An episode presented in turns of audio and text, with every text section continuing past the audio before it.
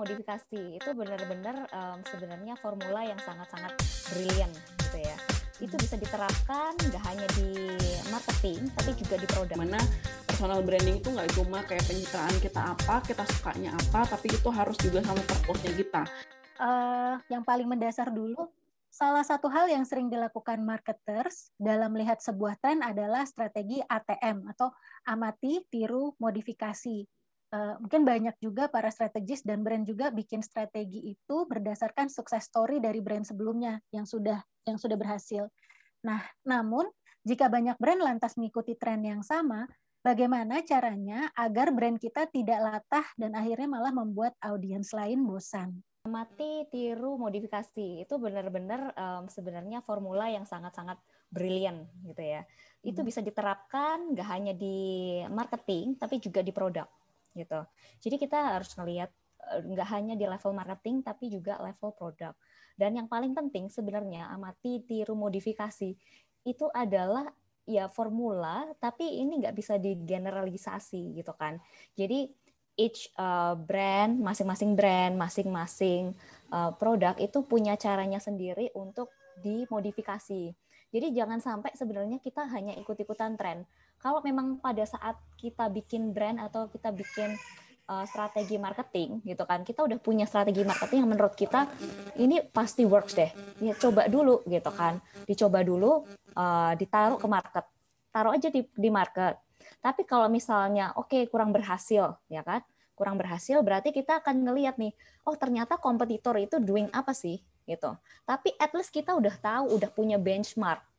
Yang kita lakukan sendiri itu benchmarknya tuh apa? Ketika teman-teman punya produk atau punya brand gitu misalnya, teman-teman harus ada satu segmen yang itu benar-benar jadi jadi ibaratnya loyal loyal customer yang itu teman-teman mau ngapain pun itu akan kemakan sama mereka gitu. Jadi nggak nggak bisa kita semana mana langsung ATM gitu aja mati terus musik. Oh ini viral, contohin ini viral contohin. Tapi kalau segmen customernya udah berbeda, ya mau kita contohin kayak gimana pun ya nggak akan jalan kayak gitu. Yang penting tahu dulu tuh segmen customernya sama atau enggak. Kalaupun ide itu segmen customernya sama nih, karena beberapa kali dijadikan juga sama kayak itu case-nya. Oh, yang travel app yang lain kayak gitu, travel app yang ini kayak gini. Meskipun sama-sama segmen customer-nya kita mirip, tapi ketika diimplement belum tentu hasilnya juga sama kayak gitu. Karena kalau viral yang namanya viral ya siapa yang paling pertama gitu kan. Jika ada orang lain itu uh, jadi uh, di sekolah kita itu adalah gimana Nurul Ilmi itu harusnya terdepan. Kalaupun ada yang nyontek, nyonteknya kita itu. Nah, karena saya kan uh, sekolah ya, mungkin kalau yang uh, panelis yang lain kan mungkin di bidang usaha. Kalau saya sekolah nih, maka bagaimana terdepan? Nah, cara terdepan adalah kita lihat nih mana yang kayaknya nggak pernah diinikan, belum pernah dilakukan, lalu kita lakukan. Nah, atau memang kita nggak masalah sih uh, sebenarnya amati tiru motivasi itu nggak salah, nggak salah. Kalau kita terapkan di tempat sama yang dikatakan oleh Kak Johan sama juga Kak Rizky tadi, ya nggak masalah kita lakukan itu hanya saja kita kan punya yang lain gitu kan sementara misalnya saya siswa nih gimana caranya biar konten-konten yang saya bikin itu bisa uh, apa namanya bisa tertarik oleh siswa. Karena konten kreator tuh biasanya punya signature konten gitu. Misalnya kayak signature konten uh, suatu influencer itu misalnya review estetik Nah, uh, misalnya kita kawinkan sama tren yang ada, misalnya kayak nostalgia gitu, kita bisa ngawinkan si signature content itu sama si uh, nostalgia itu. Misalnya kayak review estetik, tapi barang-barangnya tuh kayak barang-barang tahun 80-an, kayak gitu. Jadi itu adalah kayak jalan tengah-tengah di mana kita bisa amati, tiru, dan modifikasi yang juga masih uh, disukain sama audiens kita. Paling gitu sih.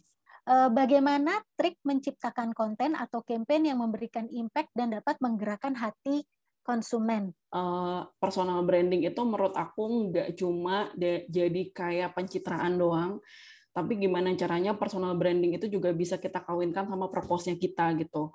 Uh, aku sempat punya diagram gitu kayak ikigai. Kalau ikigai itu kan biasanya suka uh, apa namanya dipakai sama uh, passion atau job gitu kan. Nah, tapi ini tuh uh, aku sempat uh, bikin itu dikawinin tuh sama si personal branding di mana personal branding itu nggak cuma kayak pencitraan kita apa, kita sukanya apa, tapi itu harus juga sama purpose-nya kita. Misalnya kayak aku, aku sukanya hmm, misalnya sama skincare. Uh, terus purpose-nya apa? Purpose-nya misalnya aku lingkungan yang sustainability gitu. Maka personal branding aku adalah aku uh, konten-kontennya yang skincare tapi yang juga ramah sama lingkungan gitu. Jadi aku kayak misalnya uh, promoin uh, vegan skincare atau misalnya kayak uh, uh, no paraben dan segala macam. Jadi itu lebih ke harus ada purpose-nya yang bikin kita resah sebagai si content creator untuk bisa bikin konten yang lebih impactful. Tadi kalau aku sih pasti kembali lagi ke tadi itu segmennya harus diperkuat, kita harus tahu dulu mana kira-kira cocok, mana yang enggak, karena ya yang namanya tren itu ya kita cuma amati dulu mana yang mau kita injek, mana yang mau kita lempar itu harus kita benar-benar selektif. Kecuali kita memang media yang dalam artian media itu kan memang harus keep banget sama tren. Tapi kalau kita brand itu punya spesifik gitu ya memang harus benar-benar ini harus benar-benar selektif banget lah kayak gitu. Pertama tuh tahu um, audiens kita tuh siapa. Terus audiens kita itu yang emosional, konten-konten emosional mereka itu yang seperti apa gitu kan. Uh, yang biasanya sih kalau Indonesia udah ketahuan lah yang emosional itu seperti apa, yang mungkin berhubungan dengan keluarga gitu kan. Terus kalau kita lihat ya um, tontonan tontonan kita lah, tontonan masyarakat Indonesia itu uh, nontonnya sinetron ya. Kenapa sinetron itu sangat-sangat um, sampai sekarang lah di Indosiar itu masih laku gitu. Karena it's relevant dengan emosionalnya orang-orang. Gitu. Jadi kalau kita mau ngangkat ya mungkin kita angkat itu cuman kita lebih positif. Kita angkat positivity tapi kontennya tidak relevan. Itu sih. Pertama mungkin bisa menggunakan ini. Jadi saya pikir teman-teman udah tahu betul ya Twibbon itu kan itu pertama. Kemudian kalau bisa gunakan sifatnya tuh soft selling, bukan hard selling. Karena kalau hard selling eh, orang mau membagikan itu kayaknya agak berat itu. Tapi kayak soft selling, mungkin teman-teman tahu iklan Thailand ya. Iklan Thailand itu itu iklan tapi soft betul gitu kirain itu film apa? Rupanya iklan sampo gitu kan. Nah itu emosinya lucu maka di share nah jadi mungkin menurut saya itu tadi. Bisa meng mengikuti uh, kita tuh apa ya soft selling lah yang kita gunakan sehingga orang mau nge-share kita. Kalau hard selling mungkin wah jualan nih tidak mau risih gitu kan. Nah kalau kalau soft selling mungkin mereka mungkin mau menerima. Mungkin itu tambahannya. Setelah berhasil mengadopsi sebuah tren marketing dan berhasil mendapatkan konsumen baru dari situ, bagaimanakah cara agar membangun dan memperhatikan hubungan positif agar terjalin hubungan yang jangka panjang dengan audiens? Yang tadi itu masih mungkin di level yang tadi ya, tren kan di level awareness. Jadi kita ngelihat lagi tuh funnelingnya. Oke, ini tren udah bisa menjangkau. Menjangkau artinya masih di level awareness. Setelah itu masih banyak tuh. Tadi berarti buka lagi tuh funnel marketingnya. Setelah setelah menjangkau, mereka harus di-educate educate dengan apa produk kita tuh uh, menawarkan apa, benefitnya apa, gitu kan. Sampai nanti bisa masuk ke conversion itu penjualan. Jadi um, apa aja caranya itu banyak banget mulai dari education, mulai dari um, kemudian retention. Retention ini banyak caranya, mulai dari uh, WhatsApp ya, bisa dengan WhatsApp group, bisa dengan uh, Facebook remarketing, Google remarketing. Salah satu kuncinya agar produk itu bisa terus sustain adalah memang menghadirkan produk itu ke calon customer. Karena menurut penelitian, suatu produk itu bisa terbeli biasanya 5-7 kali dilihat terlebih dahulu. Itulah kenapa dari dulu placement itu nggak akan pernah mati sampai kapan pun. Walau orang bilang digital marketing, ini lebih tinggi. Nyatanya Tokopedia, lapak semua startup-startup placement di Baliho juga endingnya adalah. Cuma kan mereka akan filter mana yang lebih efektif. Cuma memang kuncinya adalah kalau produk itu mau terbeli, ya harus terlihat dulu gitu loh. Uh, sebenarnya itu adalah interaction gitu. Gimana caranya lagi tren nih, terus kita bisa jaga audiensnya tuh supaya ada terus sama kita. Nah, aku sempat uh, nonton YouTube-nya Panji Pragiwaksono, itu salah satu role model aku sebagai content creator.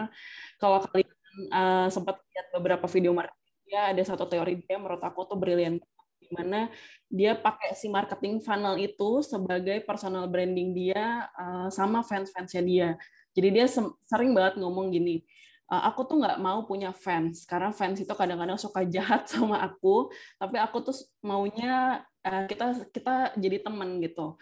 Di mana kalian kenal aku pertama, lalu kita berubah jadi teman main, terus kita berubah jadi teman main yang lebih dekat, lalu kita berubah lagi jadi sahabat gitu. Dan itu menurut aku adalah salah satu uh, aplikasi marketing funnel yang bagus banget buat content creator. Apa namanya berhubungan dengan kata yang Kak Dini tadi bilang bahwasanya kalau seandainya kita udah kayak teman gitu, nah misalnya kita nih kalau di sekolah kan antara guru dengan wali murid itu udah kayak apa ya sering menyapa itu kan. Jadi di Nur Ilmi ini uh, mereka apa ya antara guru dan wali murid itu hubungannya sangat dekat sekali. Nah, bahkan ketika ada wali murid yang ulang tahun diucapin sama gurunya itu kan jadi kemudian kadang-kadang itu bahkan mereka curhat sama gurunya terkait apa biaya belum belum sanggup curhat sama gurunya. Nah, kalau udah terjalin yang seperti maka mereka tuh bisa menjadi lu kata Johan Kak Johan tadi yang paling bawah uh, uh, brand advocate brand advocate bahwa dia udah lagi sebagai pembeli tapi udah jadi sebagai pelanggan. Kalau udah sebagai pelanggan, maka dia akan ngasih tahu sama yang lain. Nah, ini ya ini tingkat tertinggi dari branding adalah bagaimana dia orang tersebut menyampaikan kepada yang lain. Misal, tadi uh, saya sekarang masih sering diundang oleh mahasiswa untuk ngisi pelatihan tentang uh, leadership. Nah, ini kampus ini udah pernah ngundang. Wah, ternyata saya memberikan yang lebih seru-seruan, lucu-lucuan itu kan. Maka nanti dia akan nyampaikan, "Eh, kamu mau pelatihan apa? Oh itu sama Kak Wasil aja. Kalau mereka udah ngomong seperti itu, berarti kita udah dapat branding kita. Nah, okay. lalu ketika diundang lagi orang di sini, lalu mereka gitu, jadi kayak kayak bom atom gitu. Nah, jadi artinya kata kuncinya adalah berikan yang lebih. Mm-hmm. Nah, berikan hal yang lebih daripada yang mereka perkirakan, maka nanti mereka akan uh, ya akan menjadi pelanggan kita bukan lagi sekedar pembeli. Mungkin itu tambahannya. Uh, untuk jualan produk itu efektif dan realistis nggak sih kalau kita jor-joran di semua platform media sosial atau cukup salah satu saja tergantung jenis usaha kita? Sebenarnya kalau misalnya uangmu nggak terbatas boleh aja gitu ya. Di semua aja dibombardir gitu kan. Tapi sayangnya duitnya nggak metik ya kan? Saya juga tahu terbatas gitu. Jadi apa yang dikeluarkan pengennya juga apa yang didapatkan gitu ya. Return of investment namanya ada of investment ROI gitu. Kita ngelihatnya kan Nah, jadi memang yang pertama adalah ngelihat produknya apa dan pasarnya siapa ya kan? Jadi misalnya keripik, keripik ini juga beda-beda gitu. Kalau kita ngomong mungkin keripik yang harga 10.000 mungkin lebih bagus di Facebook karena pasarnya di Facebook mungkin kalian udah punya untuk yang ini ya jualan snack, reseller, ada grup-grupnya masing-masing gitu kan. Tapi kalau misalnya kita ngomong Syahrini jualan snack, jualan kemarin pernah jualan apa? Ada yang tahu? Jualan rempeyek ya. Rempeyek harga 100 ribu satu kotak 100 ribu. Dia jualan di mana? Instagram. Laku nggak? Oh laku banget. Jualan di mana? Mungkin di WhatsApp grupnya dia gitu kan. Jadi kita lihat dulu pasar kita sendiri itu di mana uh, lihat dulu nih uh, kalau misalnya di digital agency itu kita punya kayak divisi namanya performance marketing di mana tuh kita biasanya uh, cari-cari kayak best practice dari uh, gabungan antara caption, foto, video dan beberapa elemen ah, kayak CTA dan segala macam itu di dalam ads itu uh, bagus atau enggak gitu. Even kita ngetes ini juga di organik.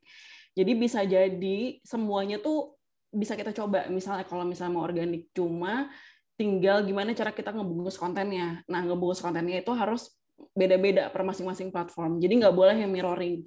Misal, kita mau jualan keripik di Instagram. Di Instagram itu kan visual banget ya.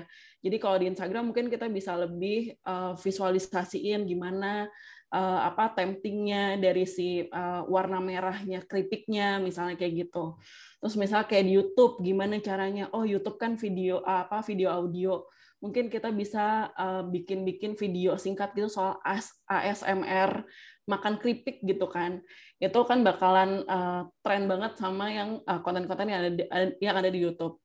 Atau misalnya di Twitter gimana caranya kita bisa jualan uh, keripik di Twitter? Oh Twitter itu uh, text which is storytelling.